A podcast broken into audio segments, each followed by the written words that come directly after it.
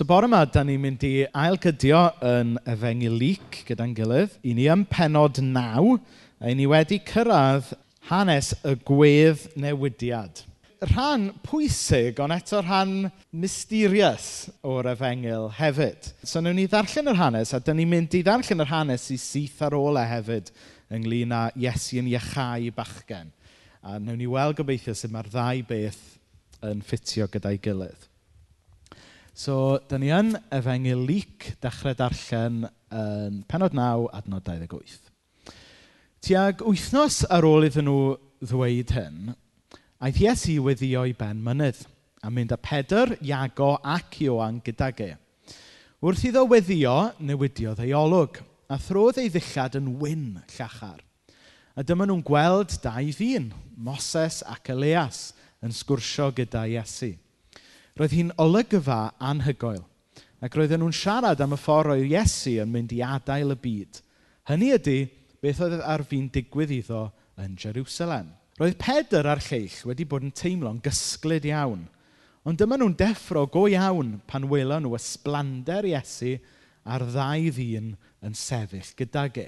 Pan oedd Moses ac Elias ar fi'n gadael, dyma Pedr yn dweud wrth Iesu, Feistr, mae'n dda cael bod yma – Gad i ni godi tair lloches. Un i ti, un i Moses ac un i Elias. Doedd ganddo ddim syniad wir beth roedd yn ei ddweud. Tra oedd yn dweud hyn, dyma gwmwl yn dod i lawr a chai o'i cwmpas. Roedden nhw wedi dychryn wrth iddyn nhw fynd i mewn i'r cwmwl. A dyma lais yn dod o'r cwmwl a dweud, fy mab i ydy hwn, yr un dwi wedi ddewis. Gwrandwch arno. Ar ôl i'r llais ddweud hyn, roedd Iesu ar ben ei hun unwaith eto. Dyma'r lleill yn cadw'n dawel am y peth. Ddwedon nhw ddim wrth neb bryd hynny am beth roedden nhw wedi ei weld. Y diwrnod wedyn, pan ddeithon ni lawr o'r mynydd, da'i tyrfa fawr i'w gyfarfod. Dyma rhyw ddyn yn y dyrfa'n gweiddi ar Iesu, athro, dwi'n crefu arna ti edrych ar fy mab i. Dyma fy unig blentyn i. Mae yna ysbryd yn gafael ynddo'n aml. Ac yn sydyn mae'n sgrechian. Wedyn mae'r ysbryd yn gwneud iddo gael ffit nes ei fod yn glyfoerio. Dydy'r ysbryd pryn yn gadael llonydd iddo, mae'n ei ddinistrio. Rwy'n ni'n crefu ar dy ddisgyblion i'w fwrw allan, ond oedden nhw ddim yn gallu. Pam dych chi mor ystyfnig ac amharod i gredu, meddai Iesu? Am faint dwi'n mynd i aros gyda chi a'ch dioddech chi? Tyrd a dy fab yma. Wrth i'r bachgen ddod ato, dyma'r cythrael yn ei fwrw ar lawr mewn ffit epileptig. Ond dyma Iesu'n cyrryddu'r ysbryd drwg i bachgen a'i roi yn ôl i'w dad. Roedd pawb yn ei syfrdani wrth weld nerth dew ar waith. Pwy sydd wedi gweld y ffilm Chariots of Fire? Ie? Yeah? Nawr, pan ydych chi'n clywed am y ffilm Chariots of Fire yn y capel gan bregethwr, Dych chi fel arfer yn cael rhyw moral ynglyn â bod o'n bwysig rhoi dew yn gyntaf fel nath Eric Liddell roi dew yn gyntaf. Ac i chi beidio bod yn blant drwg a wneud pethau ar y sil ac yn y blaen. Ac wrth gwrs mae yna ddoethineb yn hynna. Ond mae yna brif gymeriad arall yn y ffilm, heblaw am Eric Liddell, sef yr athletwr arall o'r enw Harold Abrahams. Harold Abrams nath ennill yr 100 metre, um, ac Eric Liddell oedd goffod newid i gamp a fe nath ennill y 400 metre. Yn sîn olaf y ffilm, a, a dyma... Wel, dwi'n mynd siŵr actually, os mae still o'r ffilm ydy hwn, neu'r er actual llun o Harold Abrahams yn cyrraedd nôl o'r Olympics. Dwi'n meddwl mae'r actual llun ydy hwn yn ytrach na still o'r ffilm, ond be bynnag am hynny. Ar ddiwedd y ffilm, mae gyda chi'r olygfa yma o'r athletwyr i gyd yn cyrraedd nôl o Paris ar y tren ac yn dod oddi ar y tren yn Waterloo yn Llundain. A mae, a mae holl, mae yna, mae yna dyrfa fawr yna, mae yna gyffro mawr yna'n croesawu yr Olympians adre, yr newydd y dirwyr i gyd yna ffys mawr. Ac yng nghanol y dorf yma, mae cariad neu dyweddi Harold Abrahams yn aros amdano fe. A mae pawb yn dod ar ei tren, ond dim golwg o Harold Abrahams. Wedyn mae'r sîn yn, yn dragio ymlaen, ac wedyn yn y diwedd, ar ôl i'r bwrlw mawr basio, ar ôl i bawb arall ddiflannu, mae Harold Abrahams yn dod yn araf deg allan o'r tren ac allan o'r mwg at ei gariad. A mae'n debyg mai y rheswm pam bod Harold Abrahams heb frysio allan o'r tren mewn i'r limelight oedd oherwydd bod Harold Abrahams ar y tren ar y ffordd nôl o Paris wedi wynebu reality dwi wedi bod ar dop y mynydd, dwi wedi ennill y gold medal, dwi wedi cyrraedd pinnacle fy ngyrfa fel athlete, a nawr dwi'n gorfod mynd adre wynebu reality bywyd bob dydd. A mae'n deg bod e jyst i aros ar y sin, a mor hir ag oedd e'n gallu, achos oedd e eisiau magu digon o blwc nawr i fynd yn ôl i fywyd bob dydd. Camu off y tren a mynd nôl i rhythm bob dydd. Weithiau, mae e'n anodd yn dydy. Da ni'n cael profiadau mawr da, ond wedyn y diwrnod nesaf, mae e'n ôl i'r gwaith, mae e'n ôl i newid nappies, mae e'n ôl i rhythm, bywyd bob dydd. A dyna sut ma yn bywyd ni, yn dyfa. I ni'n cael rhai profiadau mawr arbennig, ond wedyn i ni'n cael diwrnodau eraill sydd ar y gorau yn boring, falle yn anodd. Fel nath un ffilm arall roedau yn ddoeth iawn, Forrest Gump. Ma, mama, said laugh was like a box chocolate. You never know what you're gonna get. a mae wir yn dydy. Mae, mae bywyd yn rhyw mixed bag. Da ni'n cael rhai profiadau da, rhai profiadau pen y mynydd, ond wedyn mae yna brofiadau a diwrnodau anodd yn dod ar yn traws ni hefyd. Y rheswm pan bod fi'n dechrau gyda'r ddelwedd yma o stori Charlotte Fire ac hefyd Forrest Gump yw oherwydd mae'n debyg fod e'n arwyddocaol fod y ddau hanes sydd gyda ni heddiw yn dilyn ei gilydd. Gweddnewidiad Iesu ar ben y mynydd, y profiad dofn mawr yma o goniant a sblander Dyw, a wedyn, bwm, y reality yma o wynebu'r teulu yma sy'n mynd trwy storm. Hynny yw, mae Iesu yn Iesu ar gyfer y ddau ddwrnod. Mae Iesu yn arglwydd ar gyfer profiadau mawr bywyd – ond hefyd yn graig ar gyfer stormydd bywyd. I ddweud y gwir, yr un Iesu yw e. Da ni'n cael y profiadau mawr yma o goniant Dyw er mwyn i ni gael narfogi wedyn i fod yn ddisgyblion iddo fe yn y diwrnodau anodd. Mae fel bod yr efengylau, e, ach mae'r ddau hanes yn dilyn i gilydd yn bob efengyl, yn trio dysgu ni rhywbeth o'r ffaith bod y ddau hanes yma yn dilyn ei gilydd. Profiad pen y mynydd a'r profiad anodd hefyd. Rhywsyd bod y ddau beth yn dod gyda'i gilydd. Os da ni yn setlo am rhyw brofiad canol y ffordd o ddiw, yna dyna gewn ni rhyw plateau o grisnogaeth. Ond os da ni yn ceisio gogoniant a mawredd ac ysblander Dyw, fe newn ni brofi fe, ond yr un modd newn ni wedyn cael stormydd yn yn ni hefyd. In fact, mae Dyw yn dangos i fawredd a'i ogoniant ni er mwyn i ni fod yn oleini i'r anghenus, i'r toredig, yn y byd yma sydd o'n cwmpas ni. Na mae'r gwedd newidiad, mae e yn paratoi Iesu. Ni'n dall fan hyn, roedd hi'n olygfa anhygoel, ac roedden nhw'n siarad am y ffordd o Iesu'n mynd i adael y byd. Hynny ydy beth oedd ar fi'n digwydd iddo yn Jerusalem. Oedd Moses ac Elias yna, casually. dyna'r dyna ochr, dyna dirgelwch y peth, dyna ochr ysbrydol y peth. I ni ddim cweith yn siŵr sut oedd hwnna yn dod i fod. Yr unig beth allwn ni ddweud yw bod yr hanes yn yn dysgu ni fod y byd yma arnef oedd lot agosach i'w gilydd na be ni falle'n gwerthorogi. Ac yn aml bod nhw'n gorgyffwrdd A mae'r gorgyffwrdd yna i weld mwy o clir yn Iesu Grist i hun yn dydy. So oedd Moses a Galeas yna yn, tyfod, hangio allan gyda Iesu fel petai ar y mynydd. Ac o'n nhw'n dweud fod Iesu yn mynd i adael y byd. Y gair sydd yn y groi gwreiddiol yn, ydy'r hen air o'r hen testament, Exodus. A mae Exodus yn golygu mynd i ffwrdd y madael, ond oedd e hefyd yn euphemism am farwolaeth. Y rheswm pam bod Exodus yn cael ei ddefnyddio fan hyn yw achos, wel, oedd Moses yna yn un peth, so ti'n bod, oedd yn rhan o lingo Moses yn amlwg, ond oedd e hefyd, oedd beth oedd Iesu mynd i wneud yn adlewyrchiad, yn sylwedd o'r Exodus fiodd yn yr Hen Testament. Yn yr Hen Testament oedd pobl ddiw wedi cael eu rhyddhau o'r aifft, wedi bod ar hyd y siwrne hir yna tuag at gwlad yr addewid. Ond yn yr un ffordd oedd Iesu nawr mynd i adael a mynd i fynd ar siwrne anodd trwy Jerusalem tuag at groes Calfaria oedd yn golygu bod ni, plant Dyw, mynd i gael profi y rhyddid hefyd.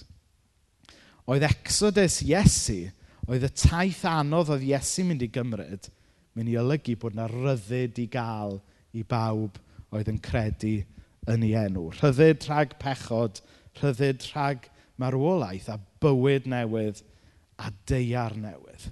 Oedd Iesu'n cael ei baratoi fan hyn am y daith oedd o'i flaenau. E. Y daith na the fynd arno fe er mwyn dod â rhyddid a heddwch i ni. Mae'n debyg oedd Moses yna yn cynrychioli y ddeddf Elias yna'n cynrychioli'r proffwydi, a mi oedd y ddeddf a'r proffwydi wedi dweud y byddai'r rhaid i un ddod i wneud yn iawn ac agor y drws. Ac felly mae Iesu'n cael ei baratoi i fynd ar y chwybr yma er mwyn sicrhau exodus rhyddid i ni. Mae hwn yn eitha cymleth, ond mae e mor bwysig yn dydy, a e? mae newyddion da. Nawr un o'r pethau dwi'n hoffi am yr hanes yma – yw bod y disgyblion oedd yna yr un mor confused ynglyn â beth sy'n digwydd a gyda ni heddiw falle. Falle pan o'n i'n darllen yr adnodau i ddechrau, falle oeddech chi'n meddwl, hmm, beth sy'n mynd ymlaen fan hyn? Mae hwn bach yn rhyfedd. Mae hwn bach fel rhyw fath o sîn ar Star Wars mwy na stori hanesyddol. Um, OK, neb yn deall ddelwedd yna. Lle mae Paul? Neu gofio sôn wrth Paul hynny. Anyway, Ac oedd e'n amlwg fod y disgyblion oedd yna bach yn, wow, beth sy'n mynd ymlaen fan hyn? A chi'n gwybod weithiau, pan i chi ddim yn siŵr beth sy'n mynd ymlaen, a dwi'n siarad jyst bob dydd nawr, pan i chi ddim yn siŵr beth sy'n mynd ymlaen, chi ddim yn siŵr beth i ymateb. So chi'n gwneud rhywbeth o nervous answer, um, gan ei panod y deu ti. Tyfa, neu rhywbeth fel, nes oes rhywun yn dweud rhywbeth mawr i chi, a chi generally ddim yn siŵr sut i ymateb. So mae'n, na i fynd i roed y tegech mlaen. Chi'n gwybod beth sy'n fi? A rhywbeth fel na di ymateb um, fan hyn. Feistr, mae'n dda cael bod yma. Um, ti eisiau fi jyst codi pabell yr un i chi? A wedyn, doedd ganddo ddim syniad wir beth oedd yn ei ddweud. Ni rhyw fath o nervous response oedd hwn gan y disgyblion. Nhw ddim cweit yn siŵr beth oedd yn mynd ymlaen. Nhw heb grasbo yn iawn dyfnder beth oedd yn mynd ymlaen yma. A mae hwn yn cyffwrdd ar bwynt pwysig. Chos weithiau, da ni yn dydyn yn cael profiadau ysbrydol, da ni'n cael profiadau mawr am ddew, ond falle bod ni'n stryglo i ffeindio'r geiriau i ddisgrifio'r profiad da ni wedi cael. Chi'n gwybod beth, beth sy'n gennau? Weithiau, da ni'n cael profiadau mor fawr, a oherwydd bod ni'n Gymru, da ni eisiau defnyddio geiriau, ond fod y geiriau ddim yn gwneud cyfiawnder ar profiad da ni newydd gael. A pan da ni'n cael profiad o fawredd o gariad Dyw, weithiau mae e yn well actually dweud dim a just ista yn y profiad yna o ddew a'i gariad. Weithiau, da ni'n gallu gwneud yn fach o'r profiad drwy fyny defnyddio geiriau i roed i'r peth. A weithiau fel Cymru Cymraeg, sy'n wastad yn bobl geiriau yn gyffredinol, da ni'n defnyddio geiriau rhy fach i ddisgrifio profiadau rhy fawr. Ac felly bod y mawredd a'r dyfnder o brofi cariad yw weithiau'n cael ei golli. Weithiau pan da ni wedi cael profiad mawr o ddew, bod ni'n symud rhy sydyn wedyn jyst i roi'r tegell mlaen. Yn yr un ffordd oedd y disgyblion fan hyn yn symud rhy sydyn i drio codi pabell i Moses y Galeas a Iesu. Ar y llaw arall, falle bod yna rai pobl a mwy a mwy o bobl yn yn cymdeithas heddiw, gyda llai a llai o bobl yn cael eu magu yn mynd i'r eglwys, yn cael profiadau o'r diw byw, ond oherwydd bod nhw ddim wedi bod yn rhan o eglwys, bod genuinely ddim ganddyn nhw'r iaith i ddisgrifio eu profiad. A mae hwnna'n rhywbeth mae'n bwysig i ni fel eglwys fod yna gored iddo fe wrth bod ni'n mentro gyda llan llanast. I ni'n gweddio bydd pobl yn dod i llan llanast sydd ddim yn mynd i eglwys fel arall, sydd falle erioed wedi bod i eglwys. Ac i ni'n gweddio bydden nhw yn profi Iesu Grist, profi gariad, profi efo ddeiant e. Ond oherwydd bod nhw ddim wedi cael eu magu mynd i'r eglwys, falle bydd ganddyn nhw ddim yr iaith i ddisgrifio'r profiad maen nhw wedi gael. So mae'n bwysig bod ni yn awyr o hynna ac yn agored i hynna. Ond wrth gwrs, yn braint ni maes o law yw helpu pobl ffeindio'r geiriau i ddisgrifio profiad maen nhw wedi cael. Mae'r gwedd newidiad, mae'n rhywbeth mawr yn mynd ymlaen. A mae Dyw yn dymuno bod ni yn cael profiadau mawr a dofn ohono fe hefyd. Mae Iesu'n dymuno bod ni yn cael profiadau pen y mynydd, yn rhannol er mwyn yn paratoi ni ar gyfer profiadau y dyffryn tywyll di hefyd. Achos mae'r hanes yn mynd ymlaen wedyn, yn dydy. Mae Iesu'n dod lawr o ben y mynydd ac yn... A mae yna crawd yna. Mae yna argyfwng yna. Mae, mae yna... Hynny mae e straight back into it. A'r disgyblion ddim wedi gallu wneud ynglyn â'r peth, ond mae pwer ac awdurdod Iesu'n i achau y dyn y, y bachgen ifanc yma. A mae'n bwysig bod ni hefyd yn cofio hynna. Mae Dyw yn rhoi y profiadau dofn i ni o'i gariad a'i faddeuant a'i heddwch e, ddim jyst er mwyn i ni gael rhyw ffix bach yn hunain.